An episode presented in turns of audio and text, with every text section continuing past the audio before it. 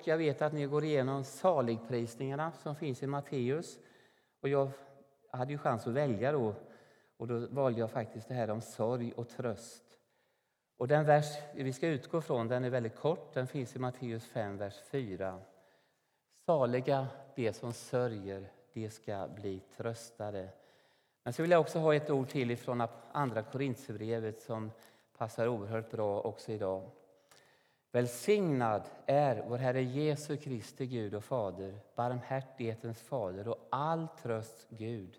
Han tröstar oss i alla våra svårigheter så att vi med den tröst vi själva får av Gud kan trösta var och en som har det svårt.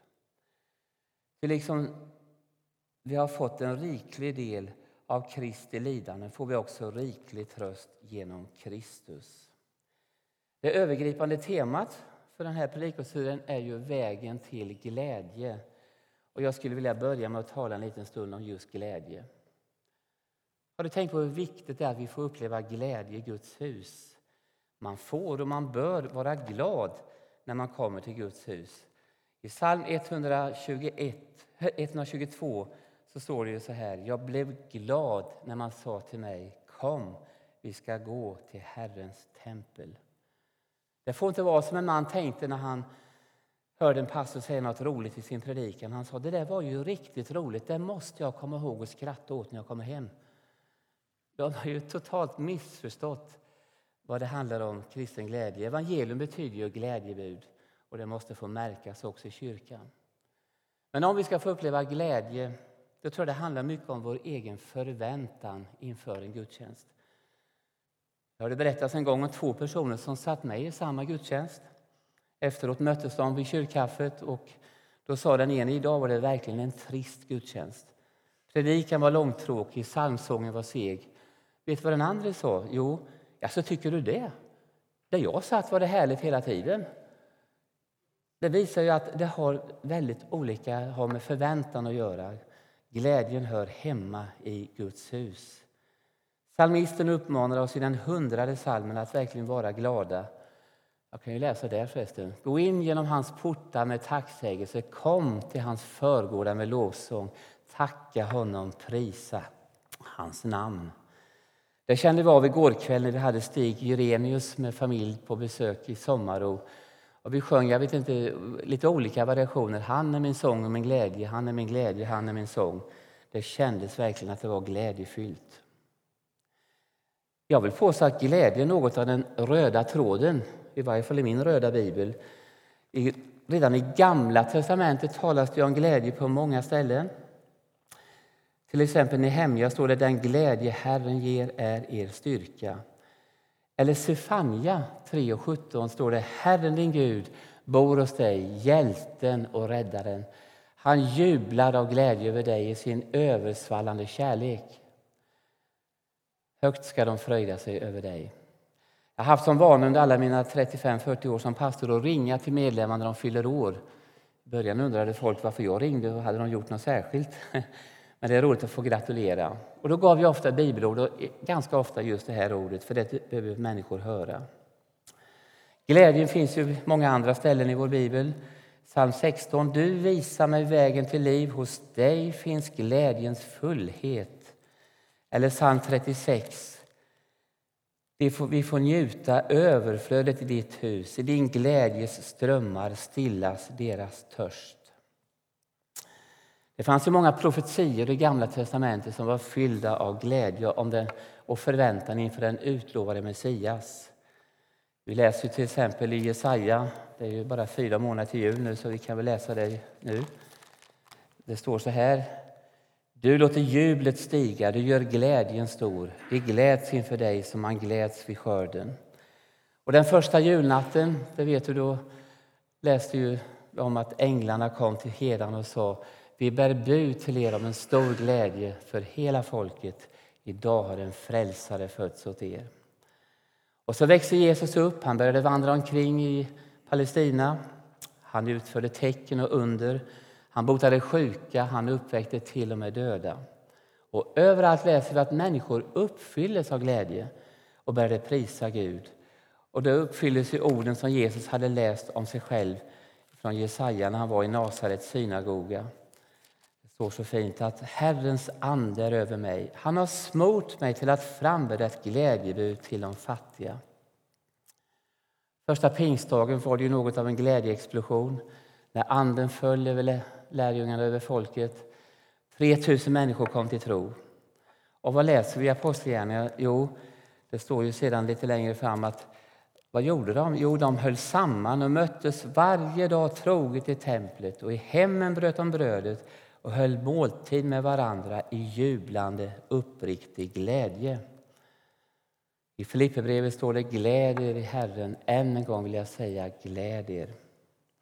Och Andens frukter finns också glädje med. Först kommer kärlek, sen kommer glädjen. Den har sitt ursprung hos Gud och den glädjen behöver vi få del av och den ska vi också tillföra andra. Jag tror vi lever i en tid då vi behöver lyfta fram glädjen mycket, mycket mer. Trots alla fina prylar och trots alla pengar människor lägger på underhållning så verkar det som att glädje har blivit en bristvara. Och när vi läser tidningarna, när vi ser nyhetssändningarna så präglas det ju sällan av några riktigt glada nyheter. Snarare tvärtom. Många människor känner kanske ofta istället en stor apati. Tycker livet känns nästan meningslöst. Och man drabbas till och med av depressioner. Det finns en teolog i England, eller fanns, som heter Harvey Cox. Och han sa så här en gång. Den moderna människan har pressats så hårt av nyttigt arbete och rationellt tänkande att hon nästan glömt bort vad glädje och extatiskt jubel är. Och därför känns det extra angeläget att få lyfta fram just glädjen, den kristna glädjen. Jag tror för Jesus själv var det en naturlig del. Han var ju både sann Gud och sann människa. Man kan säga att när han föddes så landade glädjen på jorden. Guds glädje strålade ofta fram i hans ansikte. Han delade ju glädjestunder, till exempel bröllopet i Kana. Jag tänker mig också när han satt efter uppståndelsen vid Genesarets sjö. Han hade ordnat en måltid med bröd och fisk. Då hade de säkerligen goda samtal och man hörde glada skratt vid stranden. Och Jesus han är angelägen om att du och jag ska ha del av den här glädjen. Detta har jag sagt er för att min glädje ska bo hos er och den ska bli fullkomlig, står i Johannes 15 och 11. Se om vi kommer, där får det också. Glädjen ska vara fullkomlig. Tyvärr är det så att glädjen här på jorden kan vara kortvarig och man blir ofta besviken. Vi som är idrottsintresserade vi tyckte ju Sveriges damer spelade väldigt bra ända tills de mötte Nederländerna. De spelade bra då också, men de fick stryk och då blev man ju besviken. Men sen fick de i alla fall brons. För oss som höll på Linköpings hockeyklubb så var ju förra säsongen bedrövlig. De gick ju inte ens till slutspel. Jag hoppas det blir bättre den här säsongen. Men glädjen kan ju också försvinna vid andra sammanhang. Jag, jag är en sån där som älskar att vara ute i Guds sköna natur. Och det händer ibland, inte ofta, att jag blir utan fisk. Men det har hänt. Eller kan man få fisketuren förstörd av dåligt väder och det börjar blåsa och då får man avbryta. Jag minns en resa som jag gjorde till Österrike ihop med min hustru 2015. Då skulle vi bland annat besöka Örnnästet. Jag tror ni har hört talas om det. Och där ska finnas en fantastisk utsikt ner mot staden Salzburg. Det var bara ett fel. Det var sån dimma så vi såg två meter och inte mer. Så det blev jag besviken kan jag väl erkänna. Men vädret gör man inte mycket åt. Det gäller bara att gilla läget. Sådana motgångar kommer man snart över och det är inget att sörja för. Då finns det betydligt större prövningar och sorger i livet. Jag tänker till exempel på när en kär anhörig drabbas av en svår sjukdom. Det innebär ju ofta att livet förändras helt och hållet. Och det fick jag uppleva själv när min fru Birgitta för sex år sedan drabbades av en svår demenssjukdom. Det var både Alzheimers och det var Parkinson. Det var oerhört smärtsamt som make att få se hur sin egen älskade hustru förändrades undan för undan och behövde till slut hjälp med nästan allt. Jag fick skjutsa henne till dagverksamhet, till korttidsboende och det kändes jättejobbigt. Och det svåraste var också att hon tappade talet. Så det var svårt att kommunicera. Och till slut kom den dag för ett och ett halvt år sedan när inte hennes späda kropp orkade längre. Hon fick flytta hem till Herren. Jag bor fortfarande kvar i min bostad i Kisa, men det är ett stort tomrum. Man får gå till en kyrkogård och sörja. Men på gravstenen har jag valt ett bibelord som betyder jättemycket. Jesus säger Jag är uppståndelsen och livet. Den som tror på mig ska leva om han än dör. Tack och lov så får vi lita på att det finns en Gud som är nära i både glädje och sorg. Vi får lita på Jesu närvaro oavsett vad vi drabbas av. Och är det någon som vet vad sorg är, så är det Jesus själv. Han grät vid Lazarus död, men han uppväckte honom till glädje för Marta och Maria, syskonen. Han mötte en änka i staden Nain. Hon hade upplevt att utöver hennes make hade också hennes son dött. Men han uppväckte också honom det med glädje i hemmet. Och han uppväckte även synagogföreståndaren Jairi dotter. För en dryg vecka sedan var jag på Hönökonferensen och jag fick lyssna till bland annat Åsa Molin. Även er pastor Fredrik var där och var väldigt duktig talare i kvällsmötena. Åsa hade en fantastiskt bra bibelstudie med en dag om vårt behov av tröst. Hon påminner om att när Jesus hängde på korset så tänkte han både på sin mor Maria och sin lärjunge Johannes. Han sa till Johannes, se där är din mor. Och han sa till Maria, se där är din son. Och efter Jesu död skulle de ta hand om varandra och trösta varandra. Jesus har alltså makt över både liv och död. Han vet att vi som Guds folk kan drabbas av det som är svårt, att vi kan även råka ut för sorg. Men då är det så gott att veta att även den djupaste sorg kan vändas i en stor glädje. Och Det är så underbart att känna av det när man tillhör Guds församling. Vi behöver inte vara ensamma när sorgen drabbar. Att trösta innebär ju att visa närhet och delande. jag tänker på författaren Stig Dagerman. Han säger någon gång i någon dikt att människans behov av tröst är omättligt. Och Paulus han säger vi får vara glada med de som är glada, vi får gråta med de som gråter.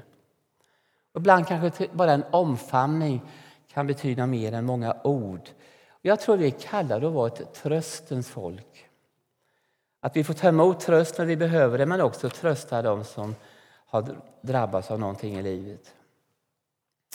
När jag var pastor i Torpa så var jag med om dödsfall naturligtvis som på alla andra håll. Vi hade bland annat en lantbrukare som heter Pelle Stjärne som fick skelettcancer och han kämpade i två, två år och dog på sin 55-årsdag. Vi följde hans sjukdomskamp men till slut hade döden övervunnit honom. Jag tror det var en av mina mest välbesökta begravningar. Det var en 250 personer. Alla hade en röd ros med och la på kistan.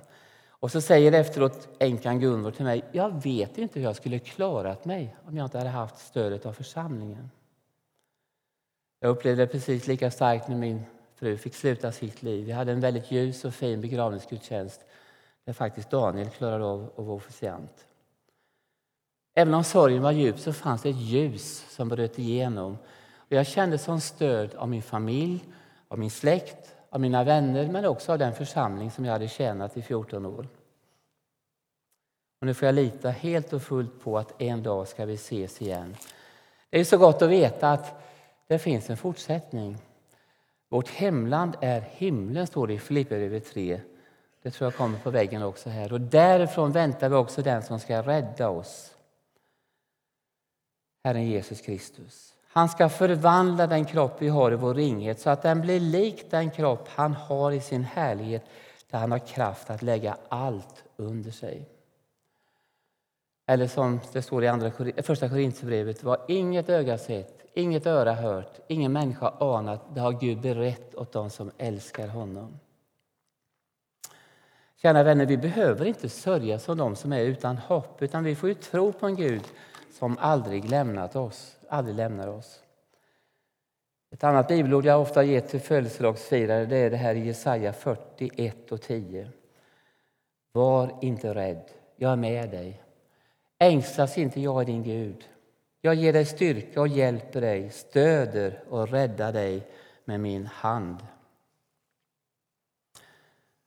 Herren vill trösta, han vill uppmuntra ibland när vi känner oss modfällda. Jag kommer ihåg speciellt, det var en kväll under min hustrus sjukdomstid. Jag kände mig ganska deppig. Och vet du vad som hände? Då fick jag en hälsning. Det plingade till i telefonen. Det var meddelande på Messengers. Och det kom ända från Kongo. Jag hade varit där på en resa 2010 till vår vänförsamling och träffade pastor Vivin. Och nu skickar hon bara ett bibelord och en hälsning, tre ord och ett bibelord. Bonjour pastor. Jeremia 29.11. Och då pastorn för dig som inte kan franska. Och jag visste ju direkt vad det står där. Jag vet vilka tankar jag har för er, nämligen fridens och inte ofärdens, till att ge er en framtid och ett hopp. var den gamla översättningen. Tänk vad stort att min Gud lät en människa i en helt annan del av världen få uppmuntra och trösta mig när jag behövde det som allra mest. En sån Gud tror jag på. Den enda sorg vi egentligen ska känna av det är den sorg som vi ska känna när människor inte vill följa Jesus. Det står ju i Andra Korinthierbrevet 7 och 10. Jag måste få läsa det för dig också.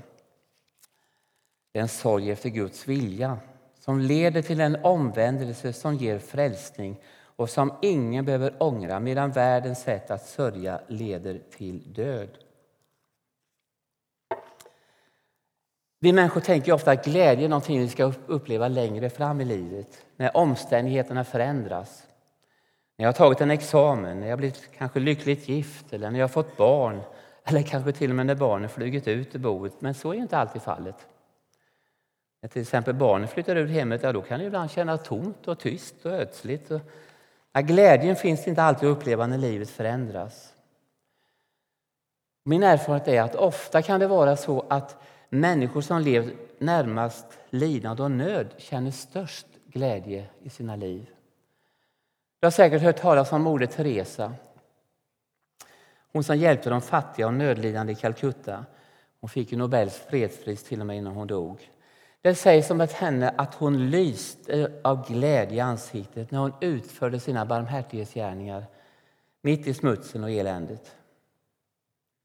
En präst som heter Dietrich Bonhoeffer han led döden i ett koncentrationsläger under andra världskriget. Han lyckades innan dess skapa en atmosfär av glädje och lycka kring minsta lilla händelse.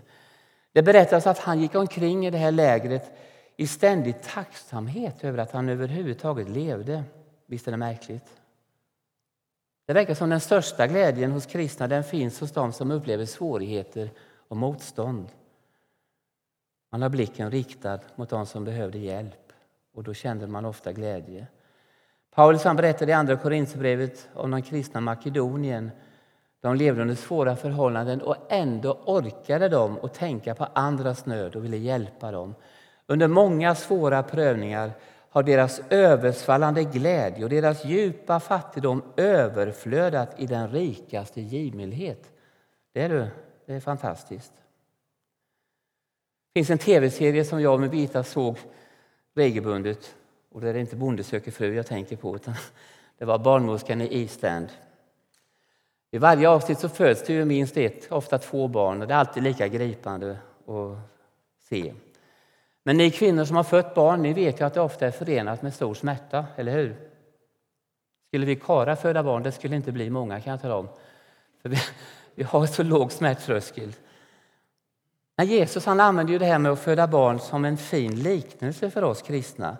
Han säger i sitt, i sitt, tal, i sitt avskedstal att när barnet väl är fött så glömmer kvinnan nästan bort hur ont det gjorde. Vi kan se om vi får upp Johannes 16, 20-22 på väggen.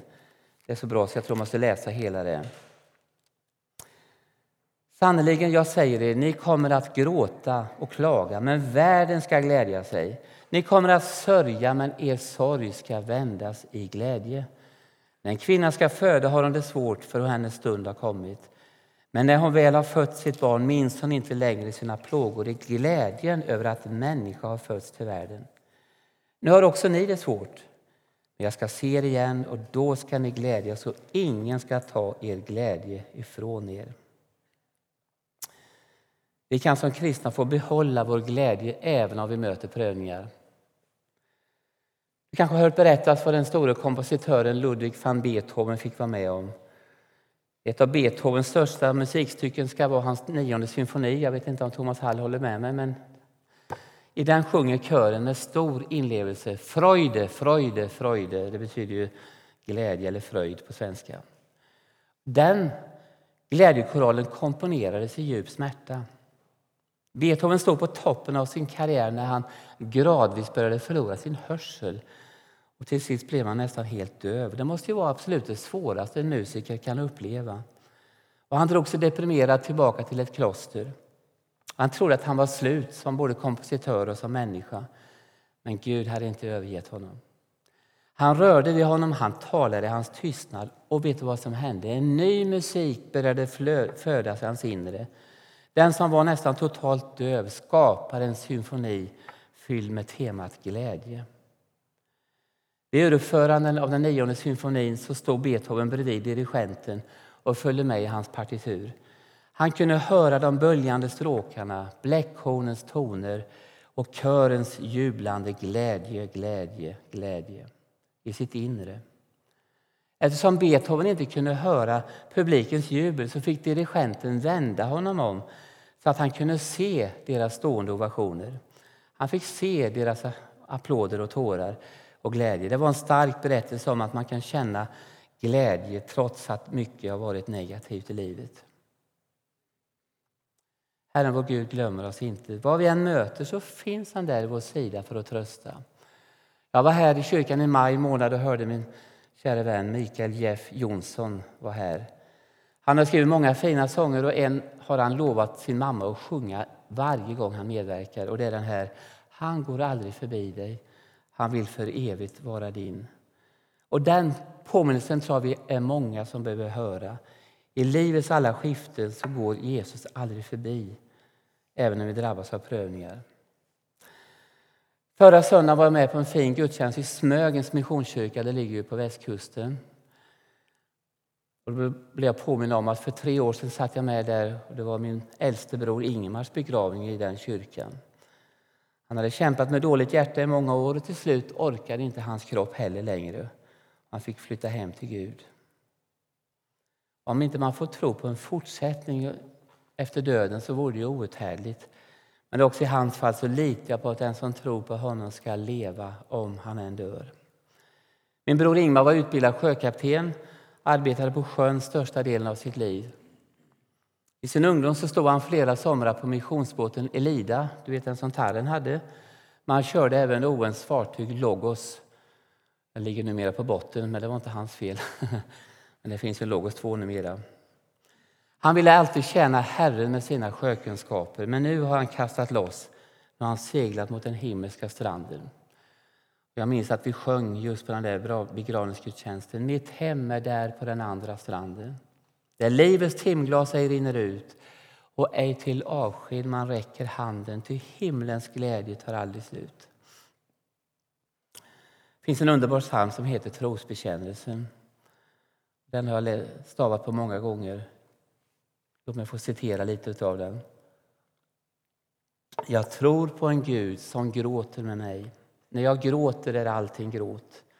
En tröstande Gud som kan trösta likt den som väntar tills gråten gått åt. Och tredje versen slutade med att jag tror på en Gud som vill skratta med mig, som lever med mig när jag dör. Hoppas du kan stämma in i den trosbekännelsen. Lina Sandell har ju också sammanfattat det här fint i Blott en dag där det står Hjälp mig då att vila tryggt och stilla blott vid dina löften, Herre kär. Ej min tro och ej den tröst förspilla som i ordet mig förvarar där. Du kanske finns med i vår gudstjänst idag som av olika anledningar just nu tycker livet känns tungt. Du har svårt att se några riktiga glädjeämnen. Eller kanske du har nyligen drabbats av sorg eller lever med saknaden som jag efter någon som har varit död några år. Jag vill bara påminna dig om att det finns en Gud som vill ge dig glädjen åter. Även din sorg kan vändas i glädje. Saliga de som sörjer, de ska bli tröstade.